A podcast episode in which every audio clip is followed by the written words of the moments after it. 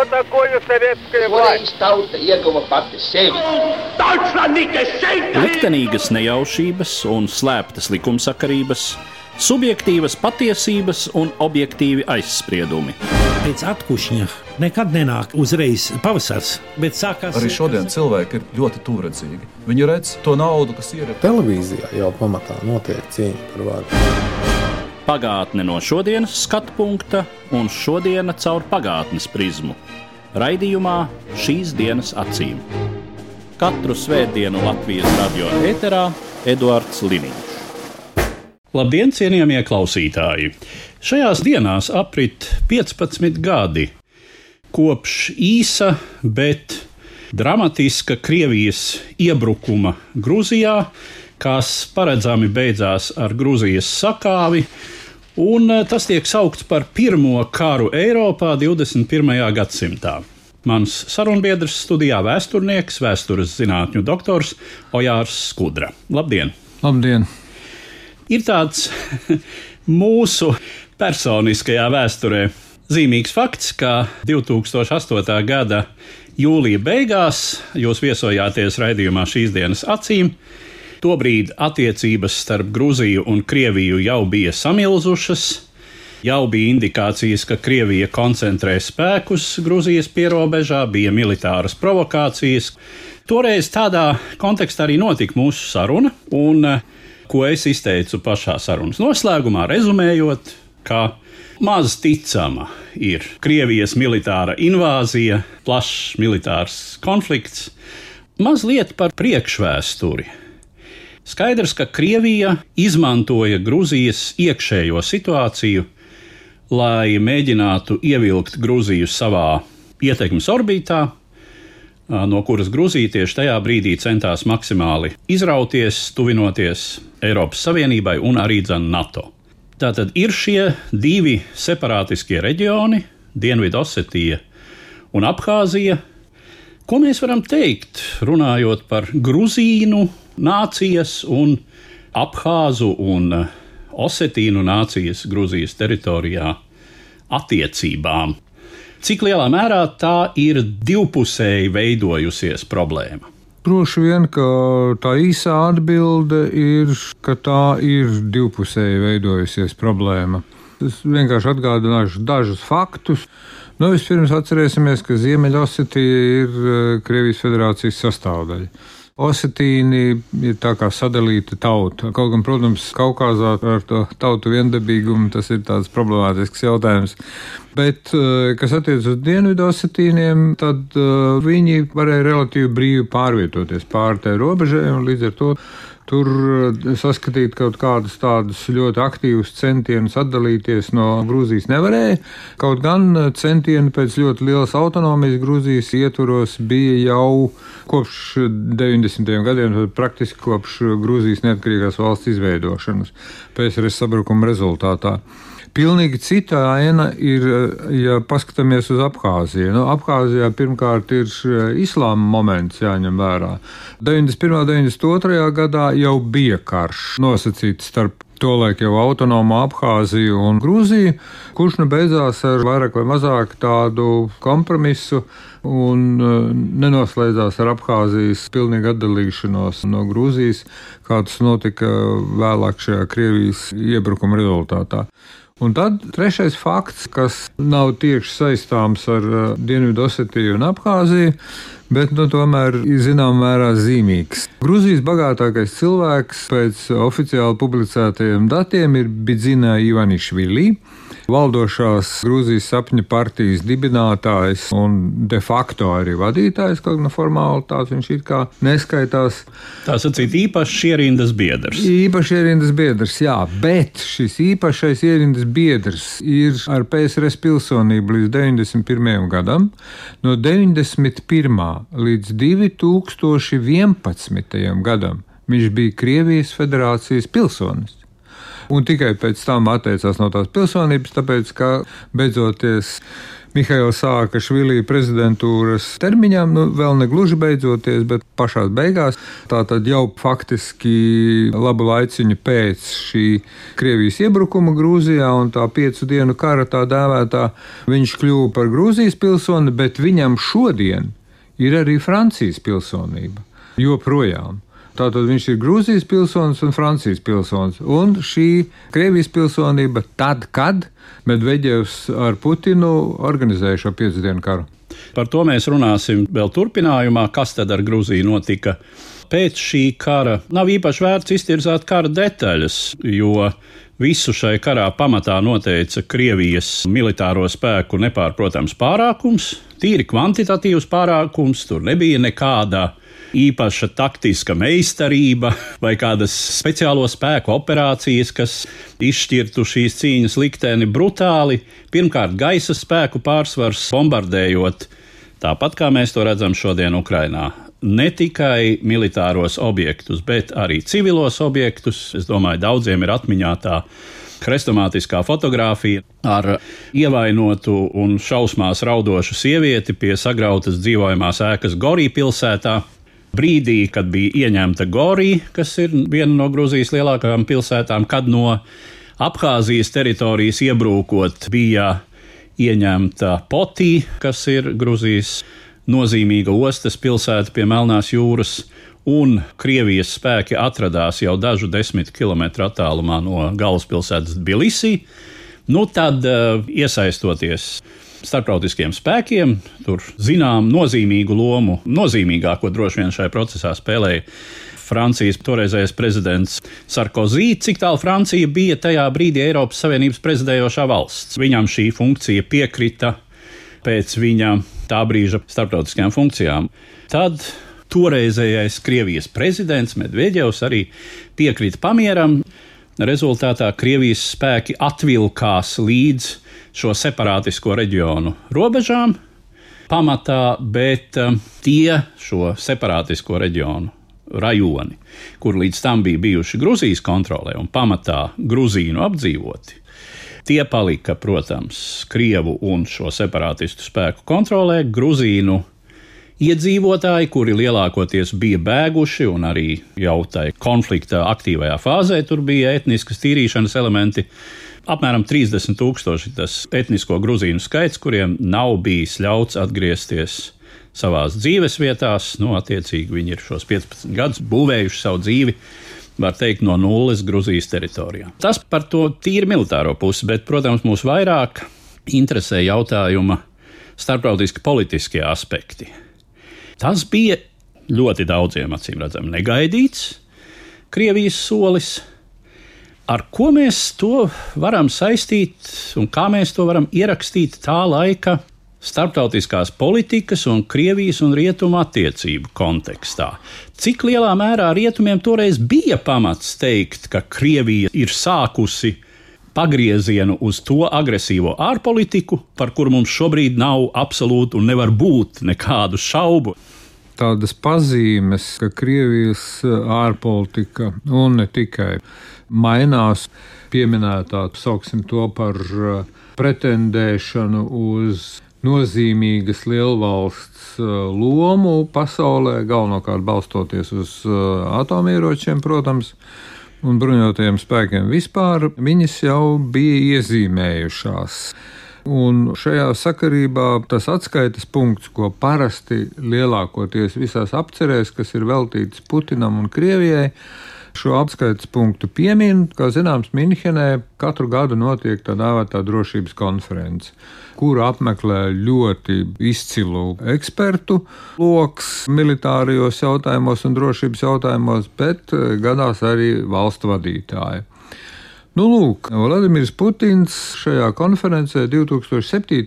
gadā ir teicis runu, kuru tagad piesauc daudzi, analizējot Krievijas ārpolitiku pēc tam, kurā viņš faktiski pieteica Krievijas pretenzijas konkurencē ar rietumiem, kas ir galvenokārt Eiropas Savienība un NATO, kā uz tāda atsevišķa pasaules centra, nu šodien mēs teiktu multipolārā pasaules centra ar savu ietekmes eh, zonu. Tolaik lielākā daļa valstu vadītāju, nu tad es nosaukšu dažus no tiem, kas to runu tā teikt klausījās tieši vai attālināti. Vācijas kanclere Angela Merkele, kura, protams, sazvanījās un tikās ar Putinu relatīvi bieži. Atcerēsimies arī Nord Stream 1 un Nord Stream 2, kas saistīja Vāciju ar Krieviju un, un naftas vats un tā tālāk un joprojām. ASV prezidents tolaik bija Džordžs Bušs juniors. Viņa prezidentūra beidzās 2009. gada 20. janvārī. Viņš ir slavens ne tikai ar to, ka viņš ir Rīgā apmeklējis, bet viņš ir slavens arī ar savu izteikumu par to, ka viņš ir ieskatījies Putina acīs un uh, saskatījis tur uh, kaut ko pozitīvu. Var to uzskatīt, protams, vienkārši par tādu diplomātisku glaimošanu, bet ir skaidrs, ka viņas pēcdienesti, ASV pēcdienesti visticamākais sniedz cita rakstura informāciju. Tā kā tas, ka pēc tam nākošajā gadā seko šis piecu dienu karš no 7. līdz 12. augustam 2008. gadā, tas ir vairāk nekā likumsakarīgi. Putins tā teikt ķērās pie tā, lai pierādītu darbos to, ko viņš ir teicis Minhenē 2007. gadā. Džordžs Bušs no vienas puses ir Latvijas vēsturē slavens, es domāju, paliks mūžīgi mūžos, jo tieši viņa laikā tika pieņemts izšķirošais lēmums par Baltijas valstu iestāšanos NATO, kas bez Savienoto valstu noteiktas pozīcijas būtu bijusi pilnīgi neiespējama, kas, kā mēs tagad saprotam, mūsu liktenī ir bijis absolūti izšķiroši. Tajā pat laikā Buša termiņš tuvojas beigām.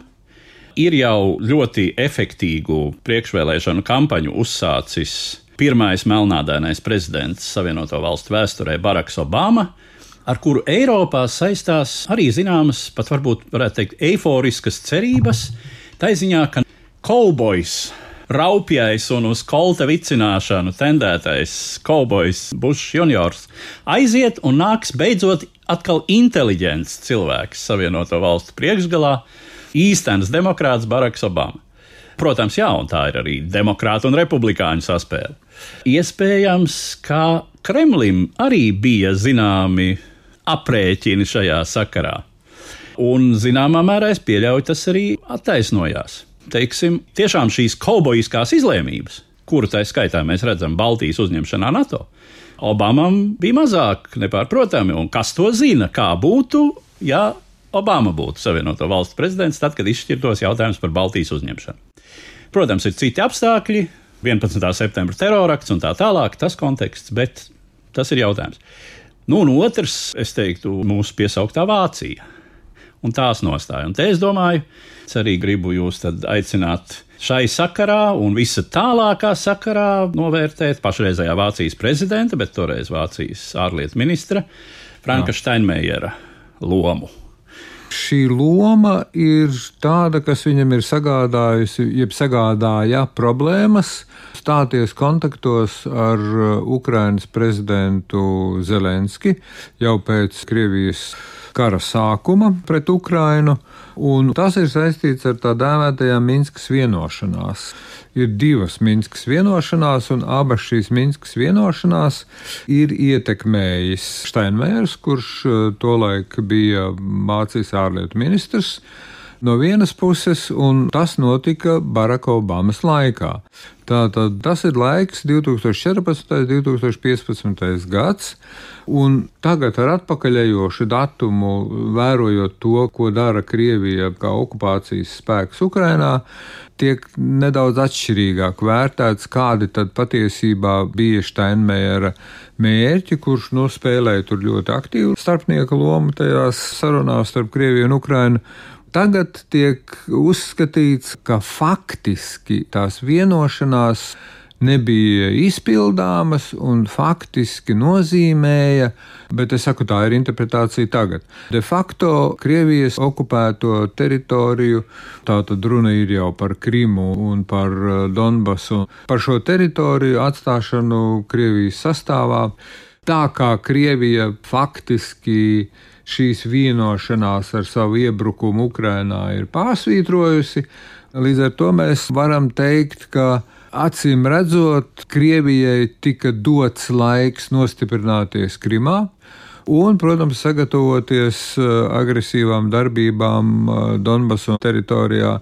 Tā kā vai Vācija un Amerikas Savienotās valstis toreiz tiešām nopietni cerēja uz kaut ko citu, par to atliek stipri šaubīties, jo nekādas nopietnas sankciju politikas tolaik, protams, pret Krieviju nebija. Tieši tā, atgādināsim, ka Minskas vienošanos eh, numur divi patreizēm dēvē par Steinmeieru formulu. Jā, droši vien tas veicināja to brīdi aktīvas kara darbības nobremzēšanu, vai Steinmeiers vērojot eh, šo procesu tiešām ticēja, ka piemēram, Krievija un Donbasa separātisti ir gatavi nodot atpakaļ robežas kontroli Ukrainas robežu apsardzības spēkiem jāpagaida prezidenta kunga memoāri, ja tādi tiks uzrakstīti. Faktiski nu, viņš ir viena no spilgtākajām figūrām, kā žargonā saka, atslēgas figūrām visā tajā, ko mēs Vācijas politikā dēvējam par Putina saprašanu. Kas ir galvenie motīvi šai Vācijas pieejai? Es teiktu, ka tur, protams, liela nozīme ir arī vēsturiskajam fonam, kas atkal tas spilgtākā izpausme ir, kad mūsu vēsturiskā atbildība, tad mēs esam parādā Krievijai par to, ka savulaik uzbrukām un likām tik daudz ciest, tas pie kājas piedodiet, ka Ukrainas teritoriju nacistu spēki okupēja pilnībā. no Krievijas teritorijas pašreizējās okupēja apmēram 7%. Laikam. Šī skatīšanās uz vēsturi tagad ir pavērsusies mazliet citā virzienā, spriežot pēc publikācijām, gan vēsturnieku publikācijām, ne tikai Vācijā, bet arī Austrijā. Es neesmu speciāli pētījis, bet man liekas, ka par Eiropas Savienības valstīm uh, un NATO valstīm, kas atrodas Eiropā, es diezgan droši varu teikt, ka Vācija, manuprāt, ir vienīgā valsts, kurā iznāk uh, mēneša žurnāls, saucas Cicero, un apakšvirsrakstā ir teikts politiskās kultūras žurnāls. Lūk, šajā politiskās kultūras žurnāla pēdējā numurā ir diezgan plaša intervija ar uh, pulkvedi no Austrijas armijas, kurš darbojās tur speciālā aizsardzības ministrijas komisijā, kas nodarbojās ar militāro vēsturi. Viņš šajā intervijā apcer uh, Krievijas un Ukrainas karu, jeb Krievijas iebrukuma karu Ukrainā, kā tagad pieņemts politkorekti izteikties. Un viena no tā viņa pamatu domām ir tāda, ka uz šo karu mums ir jāskatās nevis teiksim, no mūsu apskatītā Krievijas kara Grūzijā, nevis Krievijas kādas militāras aktivitātes, joprojām, kas turpinās diezgan tieši Moldovā un iespējams vēl kādos citos reģionos, teiksim, jautājums par konfliktu starp Azerbaidžānu un Armēniju un tā tālāk. Tā tad Viņš saka, ka mums ir jāvērtē Krievija velkot paralēlus ar Pirmo pasaules karu. Un tad ir jautājums, vai Krievija un Putina režīms pat labi pārdzīvo 1915. gadu vai pat jau 1916. gadu, Tiesa gan ar piebildi, nu, lūk, jā, tur apmēram jau gada beigās tā kā iezīmējās brāļošanās starp Vācijas un Krievijas karavīriem frontē. Vai arī vērtējot Krieviju, mums tā kā būtu jādomā par 1917. gadu un tam sekojošajām radikālajām pārmaiņām, kuras Vācijas eh, impērija veicināja, nosūtot eh, uz Krieviju speciālā vagonā. Bet tā problēma šajā gadījumā ir, un te es atkal varu piesaukt eh, vienu no Carnegie fonda tagad ārzemēs dzīvojošajām Krieviju ekspertēm, tāda politoloģija Stanovaja. Viņa arī līdzīgā garā par šo problēmu ir izteikusies, bet viņas pamatīdeja un prognoze Un līdz ar to mēs varam mēģināt skatīties uz to laika periodu Krievija, Ukraina un Krievija, Grūzija kopš 2014. gada, kopš Krimas aneksijas. Un te mēs varam atsaukties arī uz to, nu, kāpēc tie vācieši, tur Steinmērs, Šēders un vispārējie, kāpēc viņi par Vācijas vēsturisko atbildību, otrais pasaules karš un tam līdzīgi. Un Stanovais saka tā, pat labāk Krievijā pie varas ir tā dēvētie vecie vanagi kuri ir visus šos agresīvos karus veikuši. Bet šie vecie vanagi atcerās, kaut gan lielākā daļa no viņiem toreiz bija pavisam jauni, kas notika Vietnamā, kas notika Korejā, un viņi atcerās arī, kas tā dēvētā Kubas raķešu krīze. Un kompromiss, kurš tika panākts tās rezultātā. Stanovai saka, tas, kas Krievijā draud, nav kaut kādas pozitīvas pārmaiņas. Krievijā draud, ka pie varas nāks ultravanagi, kas būs gatavi nepieciešamas gadījumā pielietot taktiskos kodolieročus. Un viņi ir tie, kuri uzskata, ka tas Krievijas mērķis Ukrainā joprojām ir un paliek arī pat labāk, Krievijas robežu novilkt uh, gar Ņepras kreiso krastu. Un viss pārējais tad, lai paliek vienalga kam, kaut vai nosacīt, tā teikt, Ukrainas valstī ka šie jaunie vanagi, kurus daļai pārstāv arī Prigožins ar savu bandu, spiedīs, lai Putins neatsakās no šī mērķa nekādā gadījumā un turpina to karu. Un tas ir karš, tā teikt, uz spēku izsīkumu. Uzskatot, ka Ukrainai šie spēki izsīks ātrāk, tāpēc arī prezidents Baidens ir no jauna pieteicis 13 miljārdu dolāru palīdzības programmu Ukrainai un arī citām valstīm, kurām tas ir nepieciešams. Runājot par tādām vēsturiskām paralēlēm, tikai kā īsu repliku. Jā, paralēlis ar Pirmā pasaules karu droši vien ir interesantas un varbūt arī produktīvas. Tikai es tad varbūt salīdzinātu Krieviju, vilktu paralēlis starp Austro-Ungāriju un Serbiju. Un tad mēs esam kaut kur 1914. gada rudenī, kad serbi ir izmetuši austriešus atpakaļ pāri 1914. gada augusta robežām. Nu, un tad no šī punkta skatoties uz Austro-Ungāriju, kurai tobrīd vēl ne tuvu nedraudēja sabrukums. Kas notika ar Grūziju pēc tam? Mēs atceramies eh, Sākašvilī tuvu nervu sabrukumam, to nelaimīgo epizodi ar kaklasētas košļāšanu kameras priekšā, bet eh, Sākašvili un viņa partija paliek pie varas un no varas sāka Švilī aiziet uh, tikai tajā brīdī, kad uh, viņam ir beidzies otrais prezidentūras termiņš, viņu vairāk ievēlēt nevar. Nu, un tad uz skatuves uznāk Ivanis Švili un viņa spēks ar nosaukumu Grūzijas sapnis. Vispirms parlamentā un pēc tam prezidenta vēlēšanās gūst uzvaru, un šis stāvoklis saglabājas līdz šim brīdim, pie kam Grūzijas sapnis cementē savu varu dažādiem līdzekļiem, Un šobrīd mēs varam teikt, ka Grūzija ir jau uzskatām par traumētu demokrātiju ar zināmu virzību uz autoritāru sistēmu. Cik lielā mērā tas karš 2008. gadā noteica šo attīstību Grūzijā? Es teiktu tā, ka tie procesi Grūzijā ir ritējuši pakāpeniski, un, protams, loma šim bijušajam Krievijas pilsonim, bet tagad Grūzijas un Francijas pilsonim, bet zinām, Ivanišvili ir ļoti, ļoti nozīmīga. Viņš ir radījis politiskās varas sistēmu, kas ir balstīta tā dēvētajā oligarhismā, un viņš ir tas superoligarhs, kāda cita Grūzijā, nu, cik man zināms, līdzīga nav. Viņa īpašumi eh, neto vērtībā 21. gada beigās tiek vērtēti uz 6 miljardiem ASV dolāru. Te ir jāņem vērā vairāki apstākļi. Arī sāka Švilī savas varas beigās. Nu, nevar teikt tā, ka bija ļoti naidīgs pret Krieviju. Sāka Švilī pilnvaras beidzās 2013. gada 17. novembrī. Viņš atcēla vīzu režīmu ar Krieviju, 12. gadā.